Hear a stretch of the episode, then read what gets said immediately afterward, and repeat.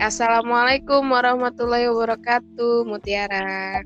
Waalaikumsalam warahmatullahi wabarakatuh, Siti Rahma atau enggak? Oke, selamat datang di podcast gue, Anjay. Enggak Dengan tenang hati. Awas dari pidana. Iya. Terima kasih sebelumnya Tiara untuk waktunya. Mungkin ya. uh, teman-teman belum tahu nih tentang data diri kamu. Jadi ya biar lebih deket aja gitu. Oke. Okay. Salam kenal ya teman-teman pendengar podcast ya Tondang atau Rahma kali ya. Nama yeah. lengkap gue Mutiara Citra Mahmuda, tapi Tondang dan kawan-kawan senangnya manggil gue Ceme MCM karena itu dari pondok jadi mereka suka nyingkat-nyingkat nama gitu. Terus dari kampus sama teman kampus kenal gue tuh Muti, teman-teman rumah kenalnya Tiara. Jadi jangan kaget kalau misalkan nyari mecem di rumah tuh nggak ada yang kenal. Nggak ada yang manggil gue mecem nggak ada yang manggil gue muti manggilnya Tiara gitu. Terus gue lulusan UIN Jakarta pendidikan agama Islam ya. Tapi belum jadi ustazah. Jadi gue masih graduate salah satu lulusan terbaik ya apa alhamdulillah alhamdulillah salah satu Oh, alhamdulillah ya atas dukungan teman-teman ya. juga. Ya selalu ingetin. Yang ada itu ya kan, yang ada posternya. Selamat kepada Mutiara. Asik. yes. Wah. Itu pun nggak terlepas ya dari karena sebenarnya skripsi gue nggak bakal kelar kalau nggak ditagi sama tondang dan kawan-kawan ya. Hari itu di grup emang iya ya? Allah akhirnya terdorong buat terus. Alhamdulillah. Makasih loh. Terus apa lagi nih yang perlu gue jabarin? Udah kayaknya ya. Nyaman aja manggilnya Tiara ya? Boleh Rahma. Oke. Okay. macam aja lah cem. Iya gimana? Sekarang lagi sibuk apa kira-kira setelah lulus ini? Aduh setelah kemarin. Okay lulus tuh sebenarnya udah berapa ya? Tahun 2019 wisudanya tapi lulusnya 2018 berarti udah hampir dua tahun. Gue jadi pengacara sih Endang. Pengangguran cara gue ingat siapkan diri? Iya siapkan diri. untuk S2 dan iya sih. Kirain untuk untuk kehidupan yang lebih baik. Oke oke. Lanjut oh mau lanjut S2 gitu ceritanya ya Cem? Iya insya Allah sama lu juga kan? Amin.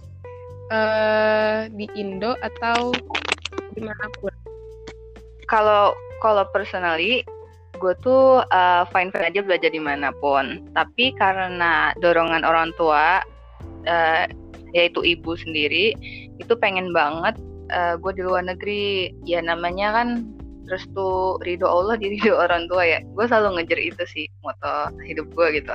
Jadi seberapa yes, apa kita jadi menurut gue apa salahnya gue mencoba buat bahagiain nyokap gitu kan? Uh, salah satunya hmm. lewat studi di luar negeri. Karena mahal pasti kita butuh beasiswa kayak endang? Dan itu kompetitif sekali. Jadi sampai sekarang belum ada yang nyangkut guys masya Allah belum belum ada yang terbaik ya iya. maksudnya belum Allah kasih terbaik. Betul sekali. Samping itu berusaha terus guys, jangan berusaha terus terus. Oh, Berarti kalau tahu kalau mau ke luar negeri ada preparation buat TOEFL dan IELTS gitu sih setahu gue ya cem. Mm -hmm. TOEFL IELTS, apalagi untuk ini ya negara yang uh, apa first language-nya itu English kayak New Zealand, Inggris, Amerika, Australia. Itu biasanya rata-rata ya? Mm -mm. berarti lu udah pernah tes di antara dua ini gitu ya? Iya pernah. Tes TOEFL atau IELTS kalau TOEFL doang seumur umur dan itu cuma di pondok sekali. Yang kita bareng ya? Belum lulus. Iya setelah itu oke okay, bye lupa gitu kan. Tapi berarti di kampus lu? di kampus lu nggak pakai TOEFL? Apa Oh kemarin sih cuman enggak deh kayaknya itu two week deh kayaknya. Oh two week. Oh, untuk iya.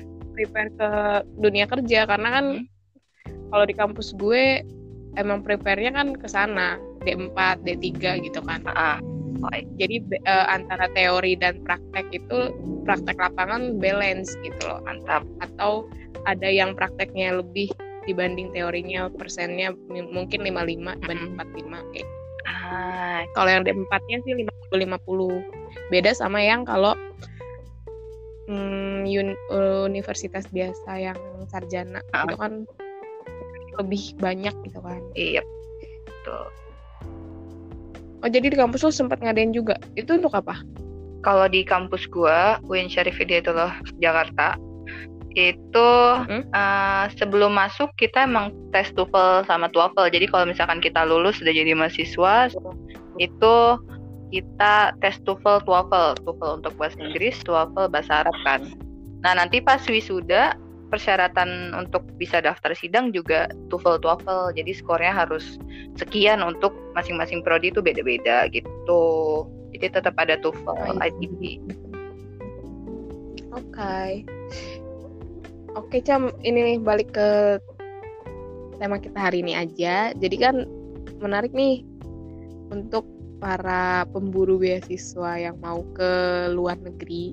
Mm-hmm. Mereka pasti lagi ada prepare salah satunya untuk mempersiapkan IELTS dan juga TOEFL gitu kan. Mm-hmm. Mungkin lo bisa share dari TOEFL atau IELTS itu sendiri perbedaannya tuh di mana gitu. Mm-hmm. Effortnya tuh apa gitu mungkin lo bisa jawab dulu sih dari segi itu yang membedakannya tuh apa uh-uh. dan dari segi seberapa besarnya tuh di antara TOEFL dan IELTS itu di mana gitu oke okay. kalau misalkan tentang perbedaan ya antara TOEFL sama yeah. IELTS kalau TOEFL sendiri itu bahkan ada kan ada TOEFL IBT CBT, PBT, ITP, dan prediction itu ada beberapa hmm. juga perbedaan. Kayak misalkan TOEFL yang paling lumrah di kampus-kampus lokal kayak di kampus gue misalkan itu biasanya pakai prediction yang nggak jauh beda sama TOEFL ITP itu cuma ada empat section. Ada section listen eh empat apa tiga ya? listening reading terus structure and writing itu jadi mm-hmm. dia bentuk jawabannya pilihan ganda dari awal sampai akhir. Masing-masing section ada 40, jadi sekitar 2 sampai 3 jam apa pengerjaannya ya. Itu untuk yang ITP. Jadi kalau ITP itu biasanya bayarnya juga lebih murah dibanding TOEFL yang PBT, CBT sama IBT. Dia biasanya 500-an tuh. Di kampus-kampus juga biasanya ngadain. Jadi kita bisa daftar di kampus-kampus yang mengadakan TOEFL ITP. TOEFL ITP ini apa uh, ke kelemahannya nggak nggak terlalu banyak diterima di kampus-kampus luar kalau misalkan kalian mau daftar atau carinya beasiswa luar negeri ya. Nah, terus kalau TOEFL PBT dan lain-lainnya itu dia ada sesi speakingnya. Kan kalau yang tadi ITP dia pasif ya, jadi nggak ada sesi interview yeah. atau ngobrol sama native speakernya. Tapi kalau TOEFL yang IBT, PBT, CBT itu itu ada speakingnya. Bedanya paling deliverynya. Ada yang dia lewat internet ada yang dia lewat komputer ada yang tulis tangan pakai pensil di kertas yang paper based test. Nah harganya itu juga hmm, itu termasuk speaking juga ya? Hmm, kalau misalkan yang CBT apa IBT correct me if I'm wrong ya karena aku nggak nggak uh, pernah ikut juga yang TOEFL ini karena harganya itu setara sama IELTS 3 jutaan. Jadi mendingan sekalian aja lah oh. sama IELTS kan. Tuh bedanya antara sama-sama saling tuh sama-sama TOEFL pun ada beberapa perbedaan. Hmm. Terus bedanya okay. TOEFL sama IELTS, kalau IELTS itu uh, menurut ini ya pengamatan gue sendiri lebih widely accepted lebih banyak diterima sama kampus-kampus luar uh, dibanding sama TOEFL. Walaupun ada beberapa kampus top tier ya yang yang kayak Stanford kayaknya dia cuma nerima TOEFL IBT atau beberapa kampus yang nggak nerima IELTS. Jadi itu tergantung kebutuhan kita sih. Kalau mau daftar kampus mana, kita pasti ini. Berarti lihat dulu hmm, ya. Kita lihat dulu. Jangan langsung kita udah IELTS ternyata dia butuhnya cuma TOEFL IBT gitu Betul ya. Betul sekali itu jadi kita sesuaikan sama kebutuhan kita terus kalau IELTS hmm. itu ada empat section tesnya ada speaking writing, reading, listening. Jadi semua kompetensi berbahasa. IELTS hmm? itu nggak terbagi ya? IELTS itu nggak terbagi. Berarti IELTS itu cuma satu yeah, gitu ya? Iya, cuma satu. Kan kalau tadi ada hmm. IELTS satu dan itu udah termasuk semuanya tadi reading, speaking, writing, listening. That's right. Itu cuma ada beberapa perbedaannya cuma dibagi dua. Jadi dibagi yang general IELTS sama academic IELTS. Kalau yang general hmm. IELTS itu buat orang-orang yang mau berimigrasi ke luar negeri. Kayak misalkan dia mau ke Australia terus pengen punya PR, permanent residency gitu. Nah itu salah satu persyaratannya okay. punya IELTS, tapi nggak usah yang akademik, yang general. Jadi uh, mungkin lebih okay, okay. lebih mudah kali bahasanya dibanding yang IELTS akademik.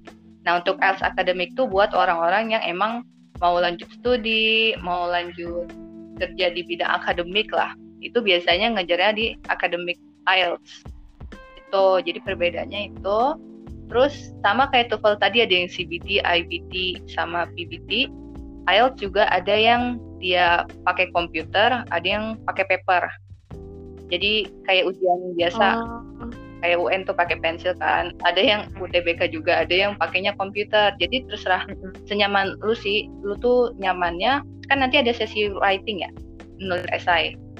Iya. Lu tuh nyamannya kira-kira ngetik pakai keyboard atau misalkan lu nyamannya pakai pensil atau nulis-nulis gitu coret-coret gitu. Kalau gue pribadi waktu itu tesnya ngambilnya yang komputer sih karena tulisan gue nggak kebaca ya. Jadi gue gue khawatir menyusahkan dan menyulitkan. Oh iya sih, iya takutnya menyulitkan. Iya iya iya minimalisir typo-typo gitu hmm, ya kan. Dan take time juga kan buat dan buat ngapusnya, ya. buat ngitung gue udah berapa wa, yes, udah betul, berapa betul. ah, udah berapa kata nih kan di, terbatas ya untuk essay writing itu. Hmm. Oke. Okay. Perbedaannya. Kalau dari effortnya cem lebih effort uh, waktu dan segala-galanya tuh untuk persiapan ataupun mm-hmm. itu effortnya tuh lebih besar yang gimana IELTS atau TOEFL? Hmm, effortnya kayaknya IELTS sih karena gue pribadi baru banget kenal IELTS di momen-momen gue mau daftar IELTS jadi itu uh, eh, SK apa sih namanya SKS ya nggak semalam juga sih. Pokoknya yeah, sistem yeah. kebut gitu kan. Jadi gue ngerasa effortnya tuh jauh dibanding gue belajar TOEFL yang udah kita pernah tes tuh pas pondok. Itu oh, uh, iya. karena kalau TOEFL ini kan dia lebih fokus ke grammar ya. Kayak penyesuaian mana yang salah mana yang benar. Terus dia pun pilihan ganda yang ITP jadi gue bisa lah uh, tang ting tong gitu kan. Tapi kalau IELTS itu jawabannya benar-benar menguras otak gitu kan. Jadi kalau nggak bisa nggak bisa ngakal hmm. Ada cara cepetnya juga gitu ya. Setahu gue waktu di pondok tuh kita diajarin cara cepet gitu kan. Maksudnya kayak similiar vocabulary berarti yang ini ini tuh enggak dipilih kayak gitu nah, itu kan. ada kunci-kuncinya kan. Ada kunci-kunci kalau ini nggak ada ya. Benar-benar kayak lu baca mungkin terus lu ya. perhatiin Bener gitu banget. ya? Kayak misalnya pas listening tuh lu bengong dikit aja udah buyar udah. Udah nggak tahu ini dia ngomong apa jawabannya mah. Udah. Oh, terlalu native mm -hmm. ya terlalu native. Actionnya juga kan banyak kan. Kalau TOEFL kan iya iya. American biasanya. Oke Cem. Dari segi IELTS dan TOEFL kayaknya kita ngebahas tentang IELTS dulu ya. Nanti TOEFL kemungkinan ada session keduanya kemungkinan. Jadi kayak fokus satu dulu aja ke IELTS hmm. ini. Nah untuk yang tadi lu bilang ditambah effortnya lebih besar di IELTS gitu kan. Dari writing, speaking, reading sama listeningnya gitu kan.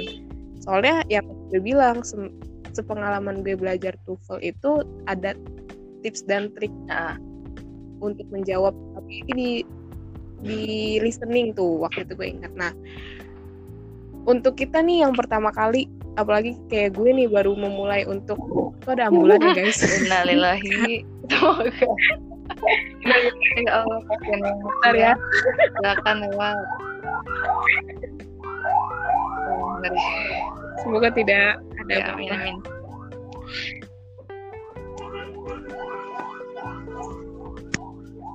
Oke, kita tunggu. Hmm.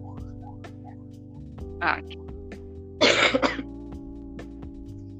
Iya, jadi dari gue nih yang baru memulai uh, what must I do gitu for the first time Oke. untuk memulai IELTS ini apa yang harus pertama kali gue lakuin sih gitu Ah, untuk jadi kalau misalkan IELTS ini kalau gue pribadi karena di kantong gue itu termasuk biayanya besar ya. Jadi emang harus diniatin dari awal. Kalau mau daftar tes harus sudah siap. Jadi komitmen dulu sih yang penting. Komitmen kalau kita tuh bener-bener mau belajar IELTS dan uh, make sure kita tahu kita tuh tujuannya mau berapa skornya. Kan kalau di IELTS ada skornya 0 sampai 9.0 ya. Itu yang paling maksimum. Nah, Iya. kita tuh uh, make sure tahu kalau kita tuh mau dapat skornya berapa, 5 kah, 6,5 kah, 7 atau sampai ke atas. Biar kita tahu tuh sejauh mana uh, apa effort kita tuh harus belajarnya tuh sampai mana. Karena semakin tinggi uh, apa semakin tinggi tujuan kita misalkan mau 8 atau 8,5 berarti ya effortnya harus jauh lebih besar gitu kan tapi kalau misalkan oke.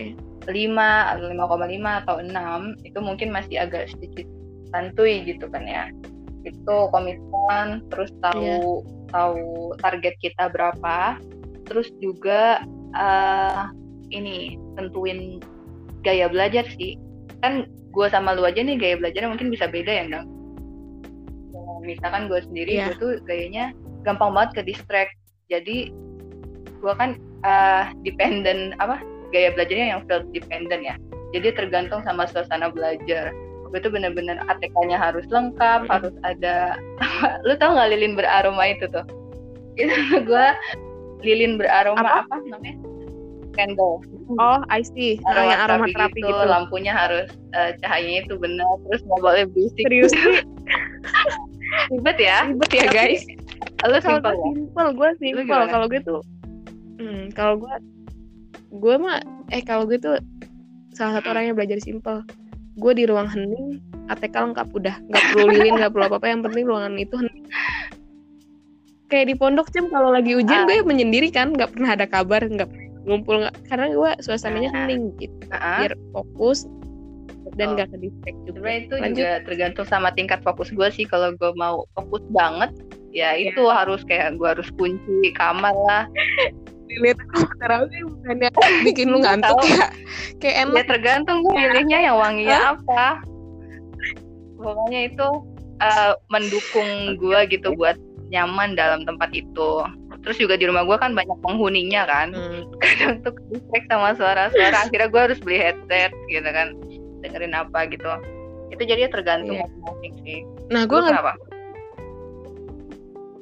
iya gue nggak bisa sambil dengerin belajar itu Oh. nggak bisa kalau belajar ya udah belajar baca fokus belajar pokoknya hening jangan ada yang ngomong Kalau ngomong senggol bacok nah soalnya nih semakin gue skripsi gue pun ngerjain skripsi nggak di rumah banyak Iya. penghuni juga kan gue ya gue nggak dong Bener, suruh bener. mereka keluar gue yang Oh. pergi gitu nyari tempat gue ke perpus Ah. Depok selalu tuh gue Ah. bikin di situ selalu selalu kayak lo bodo amat gue nggak ketemu teman-teman gue Ah. gue fokus di situ gitu kalau kalau gue gue mencari iya tempat hening tempat hening makanya ya benar benar.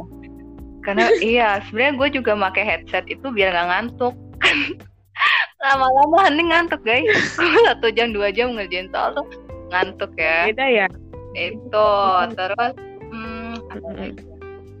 terus? Oh ya, tadi kan tentuin gaya belajar. Habis tentuin gaya belajar, kita tentuin eh, sumber belajar kita tuh pengennya yang mana. Kan orang-orang ada yang sukanya baca e-book, ada yang sukanya dengerin diskusi gitu kan dari teman-temannya, ada yang dari latihan hmm, latihan soal aja tuh udah udah lumayan masuk nyantol gitu kan. Yaitu bisa sih make kalau gua waktu itu karena karena mendadak juga.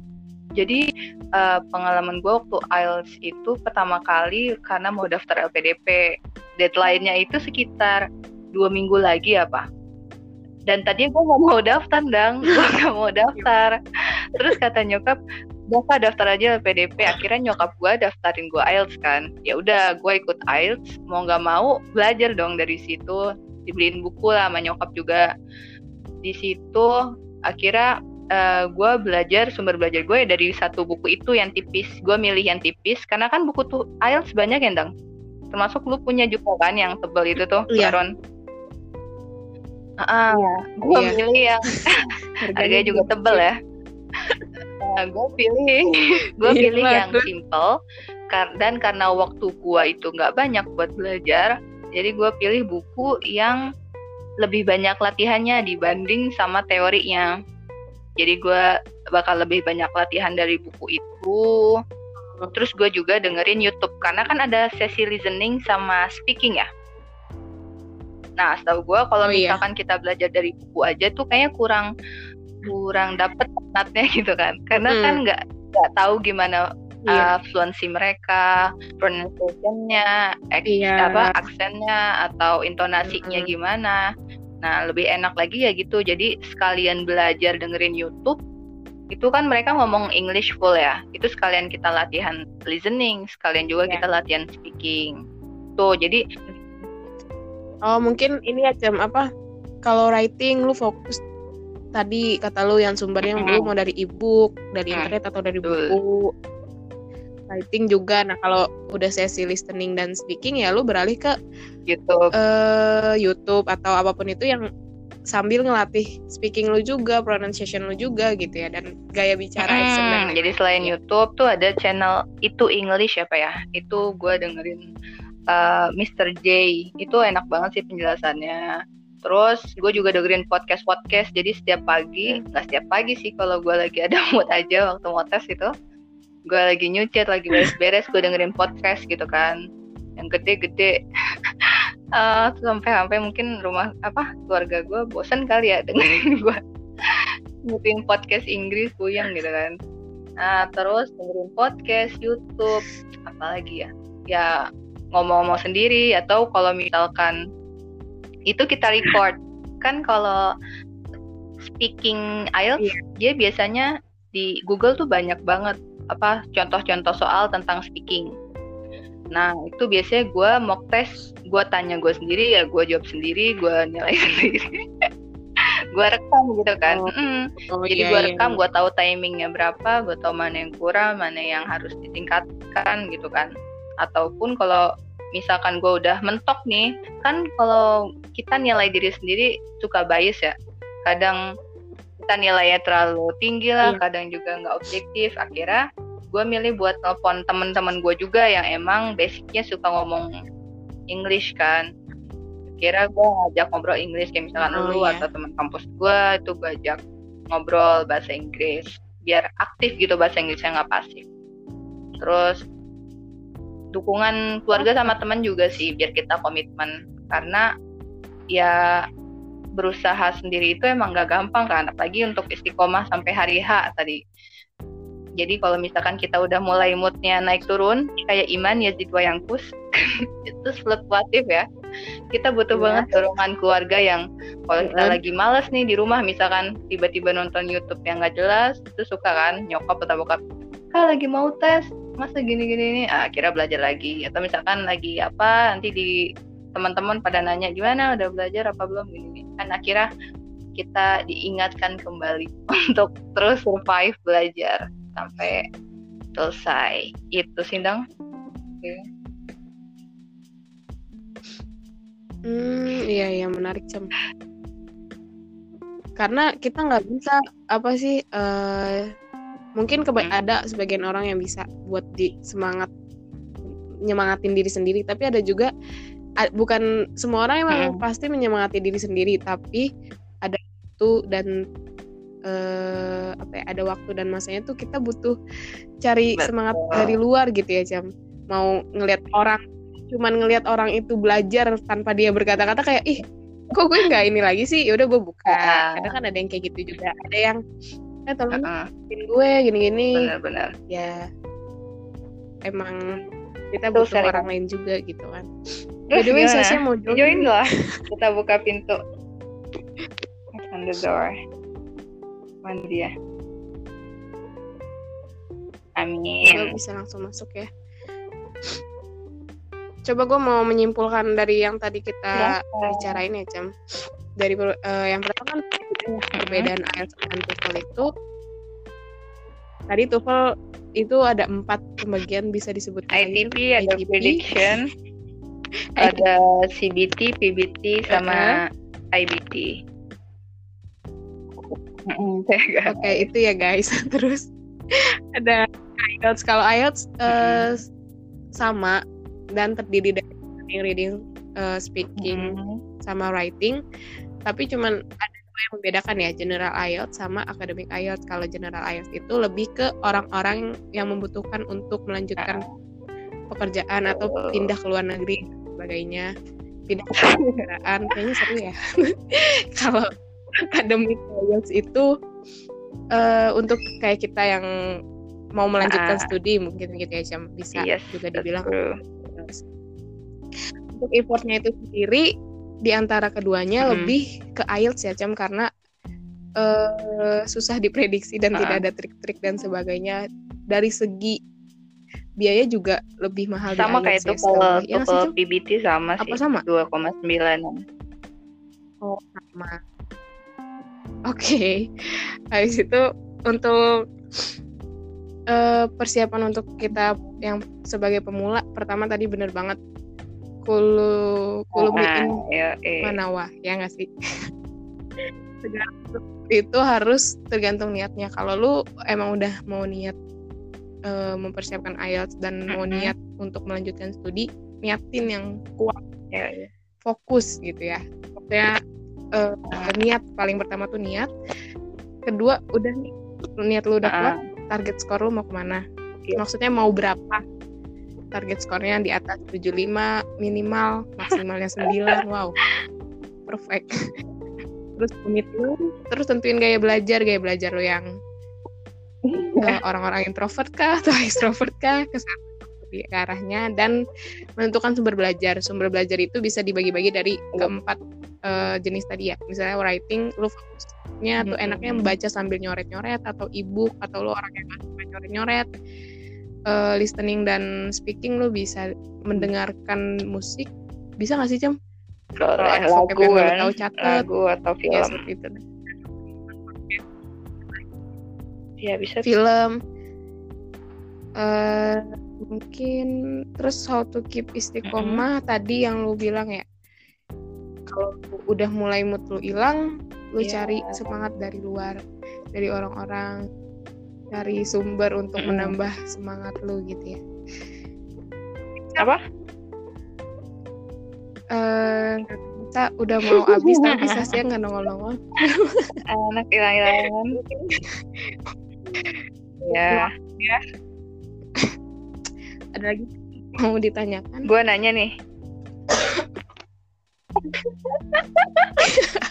Nanya apa? Silakan. Kalau bisa jawab kalau tidak tidak. Mungkin ada lagi yang mau lu sampaikan untuk kita? Apa ya mungkin apa?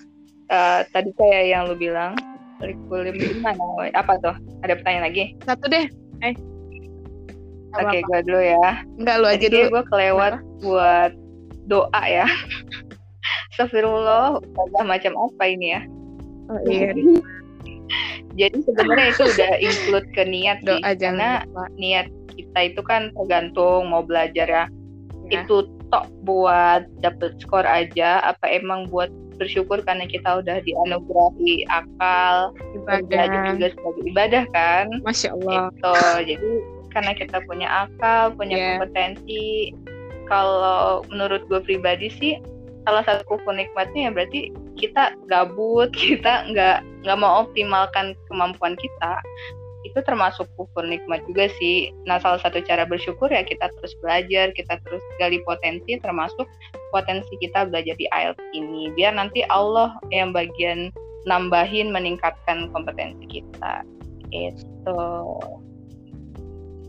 Siap. Ya, ya Ustazah. Alhamdulillah. Makasih ya, jangan. Masya Allah, tabarakallah. Oke. Okay. Uh, eh, ada lagi, Cem? Itu deh kayaknya. Ada lagi. Gak ada lagi. Hmm, Oke, okay. kalau untuk persiapan eh untuk menambah Hmm. vocabulary dia cem gimana dan Kalau melatih speaking gitu. Untuk menempatkan oh eh Mm-mm. menggunakan Mm-mm. present, future, tense itu gimana? Kan aku sih suka bingung Ah. mungkin di antara yang lain. Wah termasuk ini udah mulai sendiri. masuk ke materi ya. udah tutor gue. Apa ini? eh, Boleh. taksi berikutnya. Iya ya. Udah 30 Takutnya puyeng juga Yes. kalau gue jelasin cepet-cepet. Oke. Berarti itu dulu aja ya untuk Iya siap. pemula. Gak kerasa nih Iya. Udah Wah, seru 30 banget menit nih waktu Podcastnya kita sharing-sharing. Alhamdulillah. Terima kasih ya Tiara udah mau jadi narasumber yang sangat Amin. berharga. Next mungkin ada sesi kedua pembahasan tentang materi masuk ke materinya nanti yang untuk IELTS dan pembahasan tentang Ya. TOEFL tadi kan masih IELTS ya untuk orang-orang yang mau persiapan TOEFL. Next mungkin eh, sesuai konsep yang tadi gue bicarain Ya, oke. nanti With the akan pleasure. lagi gitu. Mau Tiara mau nih. pamitan? Ya, terima kasih udah mendengarkan podcast gue dan Rahma semoga bermanfaat dan diterapkan ya.